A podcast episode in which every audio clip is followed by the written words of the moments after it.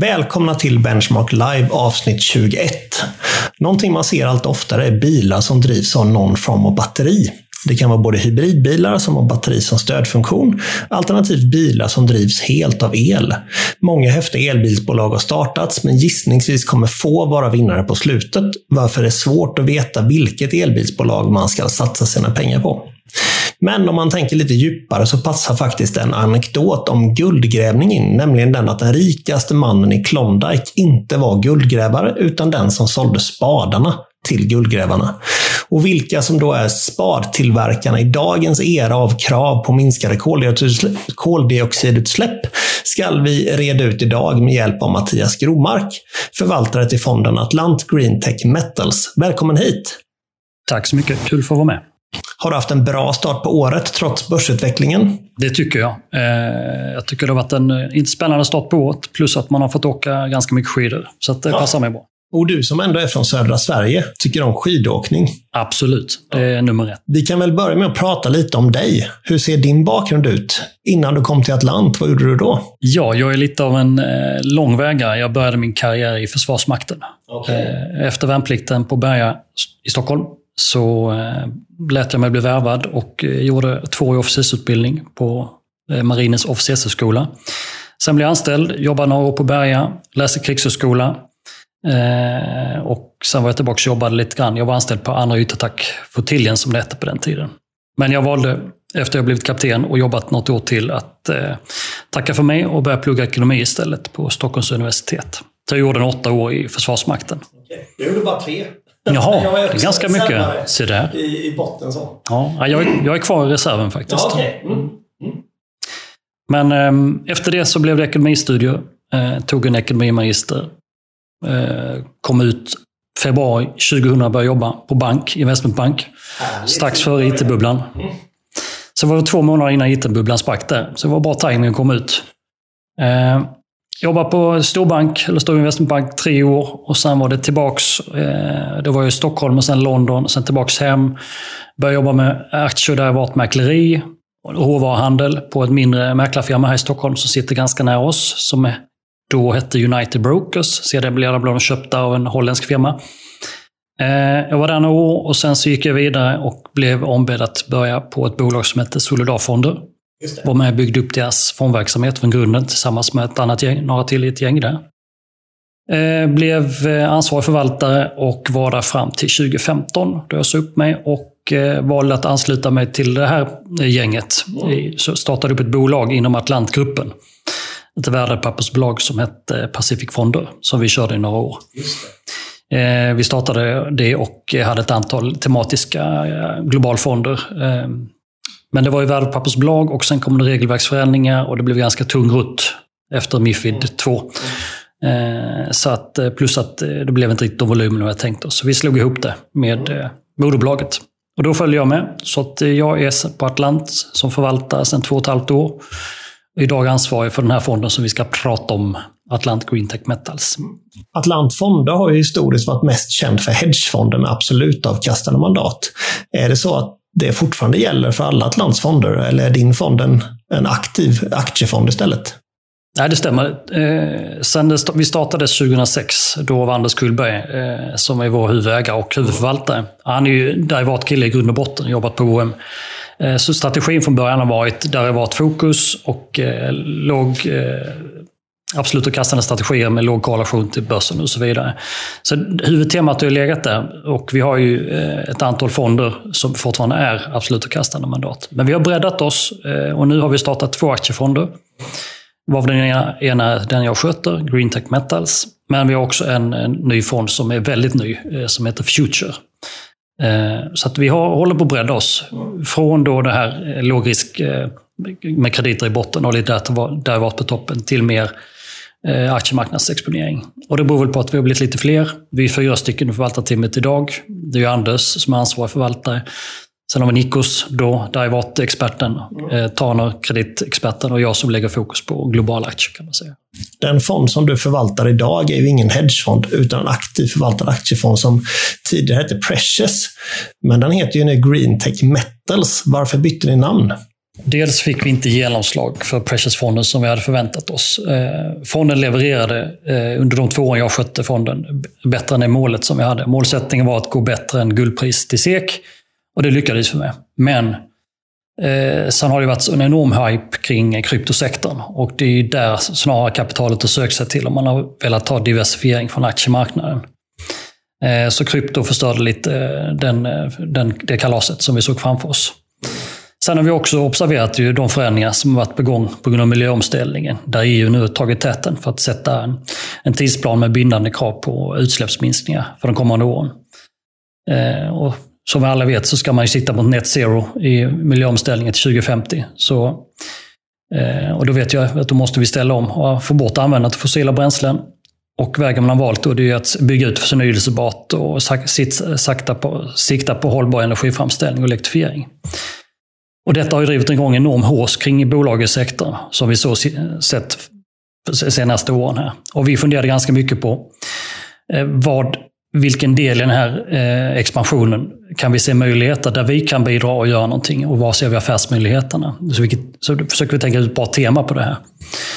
Eh, och vi, man ser ju det att den här omställningen kommer kräva en enorm mängd råvaror och att vi måste bygga om hela leverantörsledet för att eh, kunna klara av omställningen och utbyggnaden av omställningen.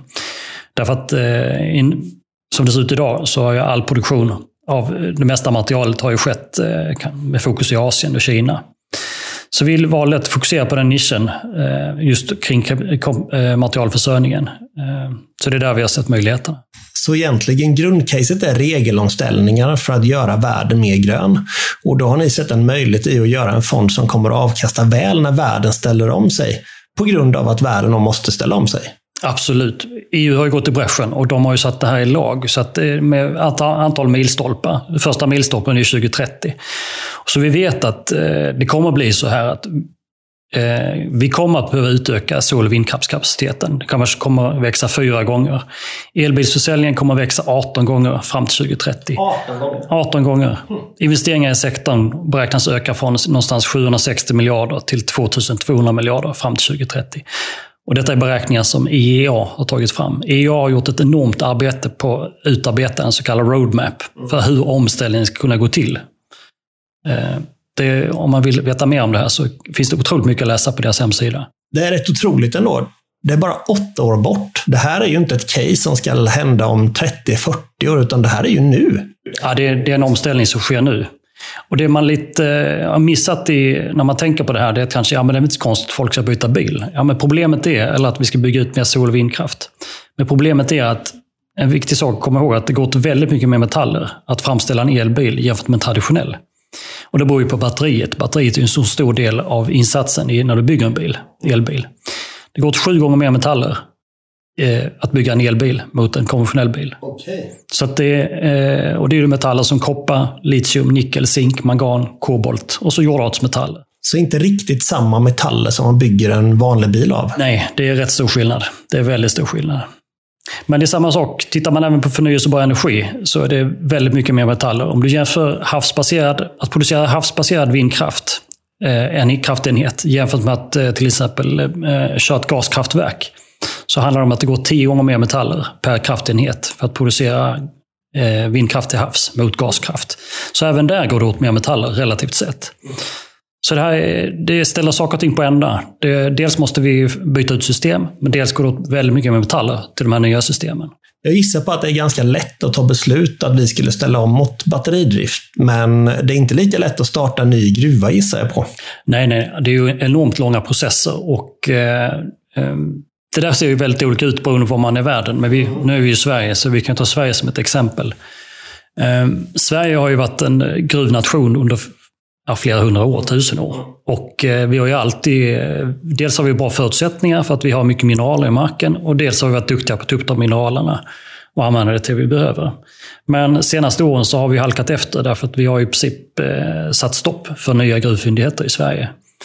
Eh, vi har ett fantastiskt fint gruvbolag i landet som heter Boliden som är enormt duktiga på att eh, utvinna på eh, bra sätt. De är långt fram vad det gäller att minska miljöpåverkan och så vidare. De sitter också på en stor, stor kopparfyndighet som heter Laver. Eh, I, Sverige. I Sverige. Så de har sökt tillstånd för att sätta spaden i marken för under lång tid. Och det har legat på regeringens bord nu tio år. Tio år? Så att problemet är att vi vill ju ha de här metallerna. Vi vill kunna ställa om, vi vill kons kunna konsumera. Men vi har ju nöjt oss med att importera det här från någon annanstans där vi inte behövt bry oss om vilket miljöavtryck det gör. Men jag gissar att det här kommer att skifta för att vi, vi är medlemmar i EU och vi är skyldiga att dra vårt strå till stacken i omställningen. Omställning kan inte ske om inte alla hjälper till. Och vi har ju förutsättningar att hjälpa till. Så jag gissar att det är en förändring på gång. Nu har vi hört det nya eh, från ministerhåll att eh, stämningen håller ju på att vända. Det är även rimligt att man vill undvika beroende av främmande stater på grund av den geopolitiska situation som vi har idag, samt problem då med logistikkedjor. Det är inte bara, det är inte bara eh, det är som du säger, man kan väga in geopolitiska aspekter. Dels om man vill vara beroende av eh, främmande stat. Eller, eh, som vi såg innan coviden slog till. Ja, då stod vi med byxorna nere. Vi saknade allt från munskydd till förkläden etc. För att, ja, och den produktionen låg i Kina. Och det har man insett att det här måste man bredda leverantörsleden även där. Men det är samma sak på metallsidan. Det är Kina som dominerar. Men sen är det också så att eh, vi kan inte hela tiden förlita oss på att andra ska eh, ha en produktion som vi inte tycker är bekväma att ha i närheten. För det är ju någon annan som blir lidande av det. Då är det bättre att vi gör det hemma vid och gör det på ett bra sätt. Om man kollar på mandatet i fonden då, är det globalt? Stora bolag, små bolag? Var i värdekedjan investerar ni? Eh, mandatet är globalt och fokuset är ju då främst på bolag som är med och bygger upp leverantörsledet mot den här växande europeiska och amerikanska marknaden. Eh, ett grundkrav vi har på alla bolag som vi investerar i, det är att de ska klara av att eh, uppfylla EUs krav vad det gäller hållbarhetsmål. Det är liksom det första filtret vi har. Man måste ha en väldigt uttalad miljöagenda, eller hållbarhetsagenda, för att kunna, kunna leverera till industrin i Europa. Det kommer att gälla samma i Nordamerika. Ska du bygga en bil, i, eller leverera material till exempel Volkswagen för att bygga en bil, då kommer de kräva att det finns spårbarhet på utsläppen i den här produktionen och det kommer finnas specifika nivåer på utsläpp som de har accepterat. Ursäkta att jag avbryter, men gruvbolag historiskt känns det som att de varit ganska smutsiga företag. Så är det ju, absolut. Och sen, eh, sen tror jag det där finns en otroligt vid skala på hur det där sköts. I tillväxtmarknader, eller ja, om man nu säger eh, marknader med sämre eh, regelefterlevnad och kanske sämre regimer där man tar mindre hänsyn till liv och lem. Eh, där har det ju skötts sämre. Vi har ju alltid det här klassiska caset med kobolt som bryts av barnarbetare i, i Afrika. Det är ju ett klassiskt exempel. Också ett exempel på där man kanske har blundat för effekterna av sin konsumtion. Vi har ändå varit happya att köpa våra mobiltelefoner och blundat för det där. Det är, men det är ju en viktig aspekt och därför måste man ju, vi tittar att vi bara går och investerar i bolag som är seriösa aktörer. Är det bara gruvbolagsbranschen eller är det fler delar av värdekedjan fram till färdigt batteri? Ja, vi agerar över hela, hela linjen. Så det är alltifrån eh, traditionella gruvbolag till processindustri, materialteknikbolag, Eh, det kan vara företag som levererar tjänster och utrustning till industrin. Så det är en mix av stora bolag som kanske är marknadsledande i sin nisch till mindre bolag som kanske sitter på någon ny processteknik, materialteknik eller en lovande fyndighet för den delen. Mm. Men eh, om man tittar hur det ser ut just nu så har vi delat upp portföljen kring ett antal teman. Och det är, liksom, det är alltifrån det vi kallar materialteknik, batteriåtervinning, återvinning och gruvteknikbolag Sen tittar vi då på materialsidan så är det litium, energimetaller, grafit, mangan, koppar, nickel och sen då ett antal diversifierade större gruvbolag. Äger fonden bara aktier som sitter på fyndigheter eller kan fonden också investera direkt i råvaran? I dagsläget investerar vi bara i bolag. Eh, vi kan köpa prisexponering mot eh, metaller. Eh, till exempel litium tror jag är svårt att få bra vettexponering mot. Men vi har resonerat som så här att vi väljer hellre bättre, bra bolag i sektorn. Och så länge vi kan hitta det med bra exponering mot de här underliggande metallerna så föredrar vi det. Tror på en bättre hävstång. För korrelationen är ändå hög mellan prisutveckling och metallen. Men möjligheten finns där och vi utesluter inte det. Att, att det kan vara intressant i något läge kanske investera prisexponering. Sen får inte vi investera direkt i råvaran. Man får inte ha risken att få leverans. Nej, det bryter mot, det bryter mot fondbestämmelserna. Ja, jo, det är svårt att ha metallen litium på depån. Det vill man inte ha. När vi ändå är inne på det här med hållbarhet så har det varit mycket snack om jordartsmetaller och väldigt mycket av den brytningen sker i Kina på kanske mindre hållbart sätt. Äger fonden aktier i tillväxtmarknader? Vi äger inga aktier noterade i tillväxtmarknader. Okay. Inga kinesiska bolag. Eh, utan vi har utgått från eh, de bolag som vi ser som kommer att vara ledande i att bygga upp leverantörsledet mot eh, Europa och Nordamerika. Ja, det. Och det är ju så att Kina har ju varit dominerande på, på materialsidan. De, liksom, de har ju varit jordens verkstadsgolv, har man kallat dem. Och Kina sitter på cirka 80 procent av raffineringskapacitet för metaller i dagsläget. De dominerar helt den marknaden. Och det, det har ju varit en jäkligt skitig eh, produktion som vi liksom har valt att det har varit billigt att låta Kina göra det på ett väldigt effektivt sätt, men kanske inte ett så hållbart sätt. Mm. Eh, och Sen har de också varit smarta nog att lägga under sig eh, lång rad fyndigheter runt om i världen. För de har inte så mycket råvaror i sig, Kina, men de har ju processkunnandet och processkapaciteten. Men genom avtal och köp och via kinesiska bolag så sitter man på, kontrollerar man väldigt mycket fyndigheter också. Eh, så att, eh, men det är ju det är ett val vi har gjort i väst, att vi har liksom överlåtit det här till Kina. Mm. För att de har gjort det bra, men vi har ju liksom det är också att vi har ett väldigt ensidigt beroende av dem. Men det är det man måste ändra nu. Eh, för det kommer inte hålla. Eh, det finns till exempel en kopparfyndighet i Indonesien som är ett praktexempel på hur man inte ska bedriva gruvverksamhet. Där man skickar gruvavfallet rätt ut i havet. Det, kines, det finns kinesiska ägare bakom. bakom och, eh, det är så det funkar om det inte finns krav på hållbarhet. Men där gör du det så billigt som möjligt. Nej, så de bolagen vi fokuserar på, eh, de ska liksom klara av att gå igenom EUs nålsöga. Och än så länge så har inte kinesiska bolag klarat det. Men kineserna är inte dumma. De anpassar ju sig. Så det, det dyker upp eh, aktörer och bolag som de kommer uppfylla även EUs krav för det här. Ja, även kinesiska bolag är beroende av den globala kapitalmarknaden via obligationsemissioner och aktieemissioner. Jag vet, det finns kinesiska bolag som kanske tidigare har producerat det här med hjälp av kolkraft. Nu omlokaliserar de och ser till att de kanske hamnar så att de kan få använda förnyelsebart istället. Annat. Så, så de anpassar ju sig. Men det är en lång process, så vi fokuserar först och främst på de aktörerna som agerar mot den europeiska och nordamerikanska marknaden direkt. EUs taxonomi innebär ju även att fonder får olika hållbarhetsbetyg i form av artiklar. Var någonstans ligger er fond? Fonden är artikel 8 i dagsläget, men kan bli en artikel 9 som det ser ut eh, när vi har kommit lite längre i hållbarhetsarbetet. Just det, beror det på att det i dagsläget inte finns tillräcklig information om hur hållbara bolagen är? Ja, det är det. Det är riktigt. Vi måste ju ha något sätt att inhämta data om de innehav vi har och där har vi precis eh, slutit ett avtal med ett bolag som heter Dacia som kommer hjälpa oss med det. Så att vi håller på att vidareutveckla hållbarhetsarbetet och eh, förhoppningen är att fonden ska kunna bli en artikel 9-fond så småningom. Här. Det lär ju vara en av världens första fonder som investerar i gruvbolag och samtidigt är en artikel 9-fond. Det kan vara så. Jag vet inte riktigt det. Men, men det låter... Det låter som det faktiskt. Ja. Nej, men fonden har ju som uttalat syfte att stötta eh, omställning till, eh, mm. för ett hållbart, hållbart samhälle helt enkelt. Så, så att eh, det ligger i den linjen.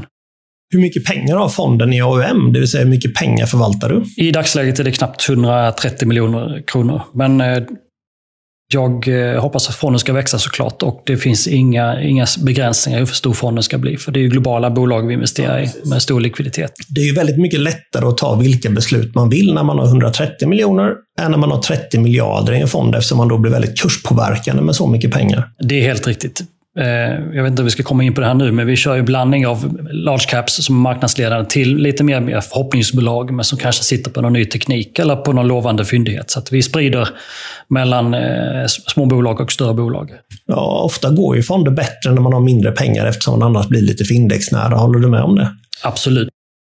Om man pratar om värdekedjan, från att metallerna är nere i berggrunden tills att de sitter ett, i ett färdigt batteri i en bil. Hur liksom ser den värdekedjan ut? Ja, det varierar ju väldigt mycket beroende på vilken metall det är. Eh, nu pratar vi metaller här, men det är, det är en väldig rad av metaller, klassiska metaller från koppar och så vidare, men ner till mer speciella, mer mineralaktiga halvmetall, ädelmetaller och så vidare. Och det är ju väldigt stor skillnad på hur de processerna ser ut. Så det är mer eller mindre krävande processer för, liksom för att framställa material som eh, är av batterikvalitet, så att säga. Eh, så att det är svårt att ge ett enkelt svar på den frågan. Okay. Det varierar väldigt mycket. Okej, kan man säga var någonstans i värdekedjan som det största förädlingsvärdet finns? Jag gissar på att det inte är hos elbilsbolagen som köper ett färdigt batteri. Ja, ja men precis. Som sagt, det är ju så här att eh, om man tittar på rena gruvbolag så vill du ha en fyndighet med hög malmhalt till att börja med. Det ska vara hög renhet av malmen. Och så ska det vara lätt att utvinna på ett hållbart sätt. Sen vill du ha ju närhet till ren energi för att kunna göra det på hållbart sätt. Och så ska det finnas en bra infrastruktur i närheten. Och så ska det vara ett stabilt land för att du ska kunna göra det överhuvudtaget. Eh, allt det här gör att du kan få fram en produkt till ett vettigt pris i förhållande till dina konkurrenter. Eh, det är ju grunden om det här ska vara en lönsam fyndighet. Eh, jag vet inte riktigt vad svar på frågan, men sen är det självklart så att, att bara ta upp malmen och marken och inte processa den, det ger ju ett lägre förädlingsvärde. Om du, om du förädlar ett par led till så får du självklart eh, bättre marginal på det. Och görs det ibland inom samma bolag? Absolut. Okay. Det görs mer eller mindre. Det varierar. Okej, okay. jag trodde att det, alla delar i kedjan var väldigt specialiserade på att göra endast en sak. Ja, mitt intryck är att det varierar väldigt mycket. Vissa tar bara upp marken och gör ingenting mer och vissa förädlar det ganska långt tills det är färdig batterikvalitet på det till exempel. Det beror på vad det är. Okay. Kan du berätta lite mer om några innehav i fonden? Ja, absolut. Vi väljer att fokusera på ett antal teman i sektorn. Det är ju allt från litiumproducenter till recyclingbolag till exempel. Men jag kan lämna ett par av de större innehaven. Så kan vi börja med att titta på litiumgruppen. Då. Där har vi en portfölj med sex bolag idag. Och där är det största innehavet Litium Americas. Och de är noterade på Torontobörsen och eh, New York-börsen. De har fyndigheter både i Nord och Sydamerika. Eh, och de har också bra möjlighet att växa och skala upp sin produktion nu när vi ser att eh, efterfrågan kickar igång. Så de har bra tillväxtmöjligheter och eh, de har också varit inblandade och eh, köpt upp ett antal andra bolag, eller särskilt ett bolag på senare tid som de vann en budstrid med, mot kinesiska Cattle. Okej, okay, de var billigare än de kinesiska? Nej, de bjöd över kinesiska Cattle i budstrid om ett, ah, bolag, okay, yeah, yeah. om ett bolag som heter Millennium eh, Lithium. Yep. Med fyndighet i ganska nära laxfyndigheter i Sydamerika. Mm. Och det var en strid som pågick här från i våras och tog slut i november typ. Eh, där Lithium eh, Americas vann. Så de har varit duktiga på att lägga under sig bra fyndigheter med bra möjlighet att skala upp över tid. Så att det, är, det är ett av de bästa namnen i sektorn som vi ser det, i litiumsektorn. Men går vi vidare och tittar på ett annat innehav. Så, ja. En liten kommentar där. Det är ju rätt häftigt när man har ett bolag som växer i antal levererade ton samtidigt som marknadspriset per ton ökar med tanke på att det är svårt att hitta nya gruvor och fyndigheter fort. Nu är ju litium ett eh, specialcase. Det har också varit en av de casen som har varit mest håsade i media och så vidare. Men det beror ju på att det har varit en otrolig squeeze på efterfrågan där. Priset har gått upp någonstans sista året från 10 000 dollar per ton till 50 000 dollar per ton. 50? Ja, fem gånger. Så att det är en enorm press på branschen att få fram mer material. Eh, ja, så att de ligger i en sweet spot, så är det ju. Eh, så att det blir väldigt intressant att följa eh, utvecklingen framöver. Mm. Men, Fler bolag? Ja, vi har ett annat av våra större bolag. Vi tittar inom sektorn materialteknik. Där har vi liksom en underportfölj med sju bolag. Och där är det största innehavet Neo Performance Materials Eh, noterade på Torontobörsen. Och så det som låter ett materialteknikbolag Mer specialbolag fokuserade på att förädla eh, olika metaller. Och de har bland annat en processanläggning i Estland där man förädlar eh, sällsynta jordartsmetaller. Och det är en väldigt unik anläggning för att vara utanför Kina. Eh, så de ligger väldigt bra till där, för att det här måste, det är någonting som måste skalas upp. Eh, jordartsmetaller det används ju, det är specialgrejer. Det kan vara allt ifrån i elmotorer och så vidare. Och förekommer ofta även i förnyelsebart, till exempel i vindsnurrarnas eh, okay. teknik och så vidare. Vad innebär det egentligen att man processar en råvara? Ja, det är någon form av raffineringsprocess. Eh, både för, för renhet och förädling för att det ska vara applicerbart till det det ska användas för. Okay. Det är ju rätt tekniskt.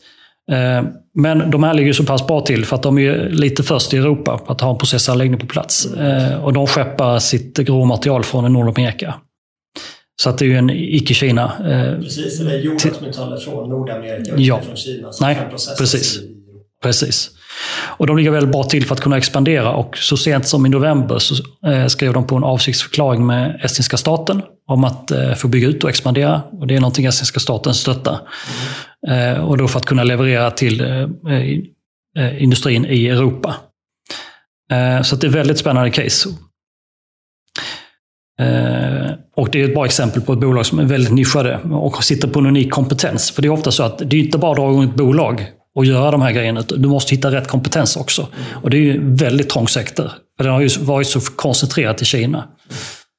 Så det är ofta ett problem man måste överbygga, att hitta, få in rätt kompetens och ledning i bolagen. Okej, så jordartsmetaller som kommer från Nordamerika istället för Kina och processas i Europa istället för Kina? Det, ja, jag ska inte kalla det huvudfokus. Eh, det är ett av sex, sju huvudteman. Okay. Och vi tittar hemskt gärna även på bolag som, vem ska leverera utrustningen till gruvindustrin eller processindustrin? Okay. De som bygger utrustningen. Hur ska gruvindustrin få ner sitt miljöavtryck? Det är ett enormt arbete som måste göras där för att ställa om till exempel vad det gäller koldioxidinhämtning. Så, så egentligen börjar inte kretsloppet eller värdekedjan som ni tittar på med gruvbolagen, utan ni tittar även på leverantörerna till gruvbolagen.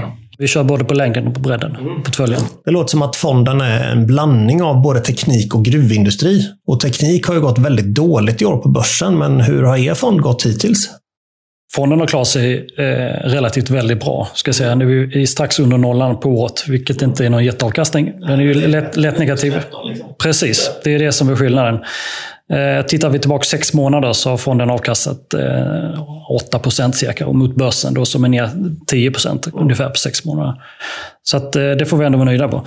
Sen är det ju så här att eh, allting har inte dragit och det är därför man bygger en portfölj. Vissa saker har gått väldigt bra som kanske uranrelaterat, litiumrelaterat och viss industri har gått väldigt bra, eh, processindustri.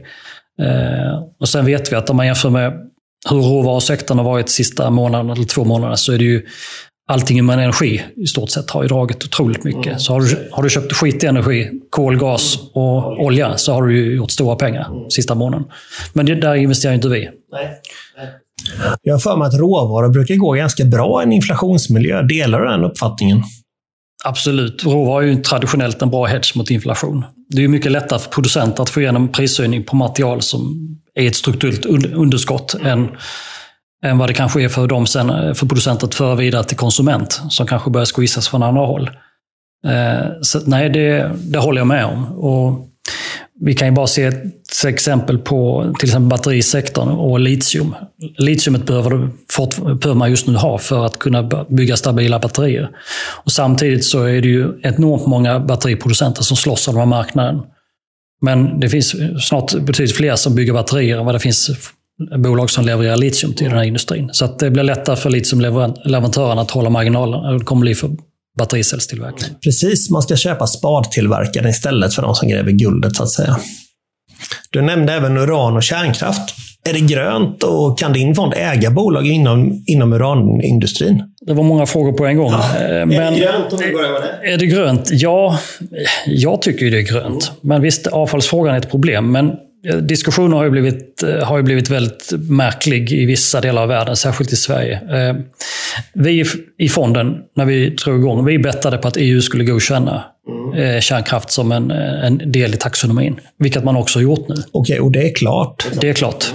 Ja, sen har det varit överklagande, men det, ja. det, det kommer inte gå... Österrike som Ja, det är några stycken. Tyskland bland annat också. Men det kommer, de, det kommer inte gå att stoppa det, för det krävs betydligt större majoritet än vad som finns idag. Så att det kommer vara så. Eh, och jag tycker man har börjat fel ände. Eh, därför att huvudmålet borde vara att få bort fossil, användandet av fossila bränslen. Europa är enormt beroende av fossila bränslen. Gas, och kol och olja fortfarande. Någonstans 60 procent av energianvändandet, det, är, där använder vi fossila bränslen. Och då pratar vi total energianvändning, ja. inte bara bilar? Liksom, Nej, jag tror energi, energiframställningen. Värmning och hus. Ja. Och fabriks... Så det, är, det är där vi borde börja, i den änden, innan vi lägger ner kärnkraften. Jag förstår att man fick panik efter katastrofen i Fukushima. Men man måste ju utvärdera kanske varje kärnkraftverk ut efter sina egna förutsättningar. För vi har ju inte risken med eh, jordbävningar på samma sätt i, som det var i Japan. Så att det Tyskland nu har gjort, att nu stängde man ju ner tre av sex reaktorer här vid årsskiftet. Samtidigt som man sitter i, helt i knät på rysk gas. Vilket förmodligen skaver väldigt mycket idag. Och det är väl även därför Putin vågar vara så aggressiv när han vet att vi är beroende av rysk gas och olja. Ja, tyskarna bettade på att om de vävde ihop sin ekonomi med ryssarna så skulle allting vara frid och fröjd. Men det utnyttjade ju Putin istället motorn. Ja, så att, eh, ja, man kan väl säga... Frankrike har gått en helt annan väg och tillverkar nya reaktorer istället. Absolut. Dels så har de ju redan mycket kärnkraft, men de har också bestämt sig för att bygga ut till nästa generations kärnkraft. Och nästa generation, på vilket sätt är den bättre? Jag hörde att avfallet som blir kvar i de nya reaktorerna inte är lika farligt som från äldre kraftverk. Jag kan inte supermycket om det här, men det pratas ju om många olika saker nu. Dels pratar man om små modulära reaktorer, som det, skalan i sig är kanske stort som en container, som du kan liksom placera i närheten av industri som kräver väldigt mycket energi. Eh, men sen, sen, finns det ett forskningsprojekt i Sverige som heter Blykalla, kallar de det.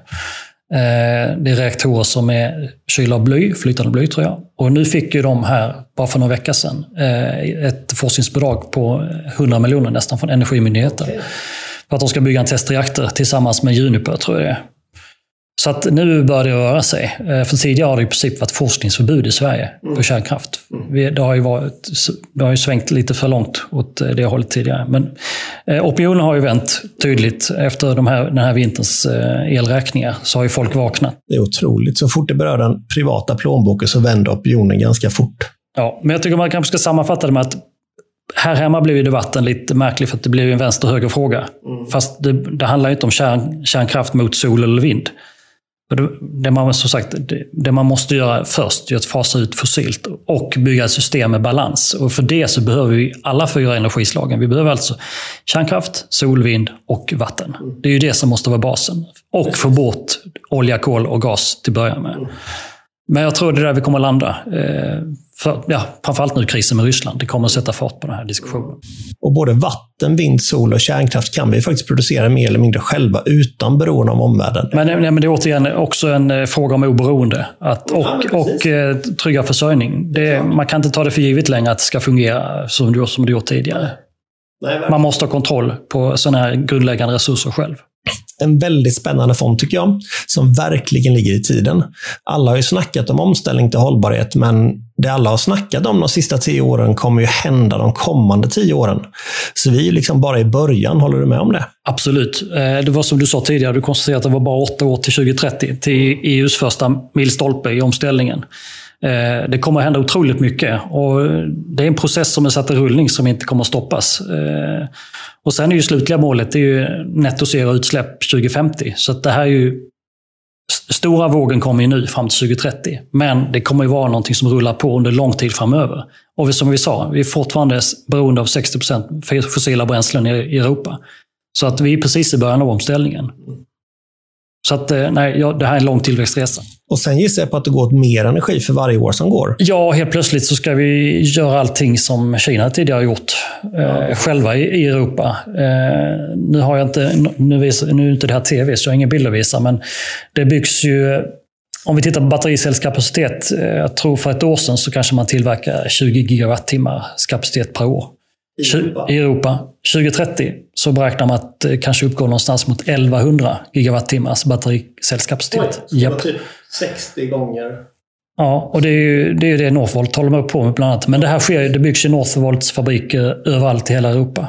Även, ja. även USA är, har börjat den här utbyggnaden också. Så det är en enorm återindustrialisering.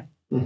Och det är ju det här vi pratar om. Det är dit vi ska, i de här leverantörslinjerna för den här industrin som vi investerar. Finns det några börsnoterade batterifabriker som tillverkar batterier? Ja, vi har väl några kinesiskt. Inte Cattle eh, ett av de stora. Det var, Buffett var väl investerad tidigt i dem, om inte jag minns fel. CATL. Okej, okay, så då är det framförallt privata bolag? Ja, och även sydkoreanska stora bolagen är ju till finns ju med i den här kretsen ja, också. Just det. Eh, typ Hyundai och... Absolut, det finns många, många bolag och de bygger egna fabriker i, och tillsammans med andra i Europa också. Så mm. det är otroligt mycket på gång. Mm. Ja, spännande. Det är som Tesla till exempel. Deras eh, batterifabriker eh, har ju byggts tillsammans med Panasonic. Det är ju ingenting de har gjort själva, utan Nej, det har ju funnits en annan aktör bakom. Precis. Så det är Panasonic som kör batterierna till Tesla, inte Tesla själv? Ja, det är samarbete. Men okay, det är Panasonic som kommit in med kunskapen från början. Ja, jag, jag, känner att jag har fått den information som jag velat ha gällande din fond. Är det någonting mer som du känner att du vill förmedla? Det känns ganska heltäckande. Och vill man veta mer så är det bara att eh, kontakta oss på Atlantfonder. Gå via hemsidan och så hittar ni mig. Så är det bara att av, eller hitta mer information där. Lysande. Då tackar jag så mycket för att du var med och önskar er alla en trevlig dag. Tack för att jag fick vara med.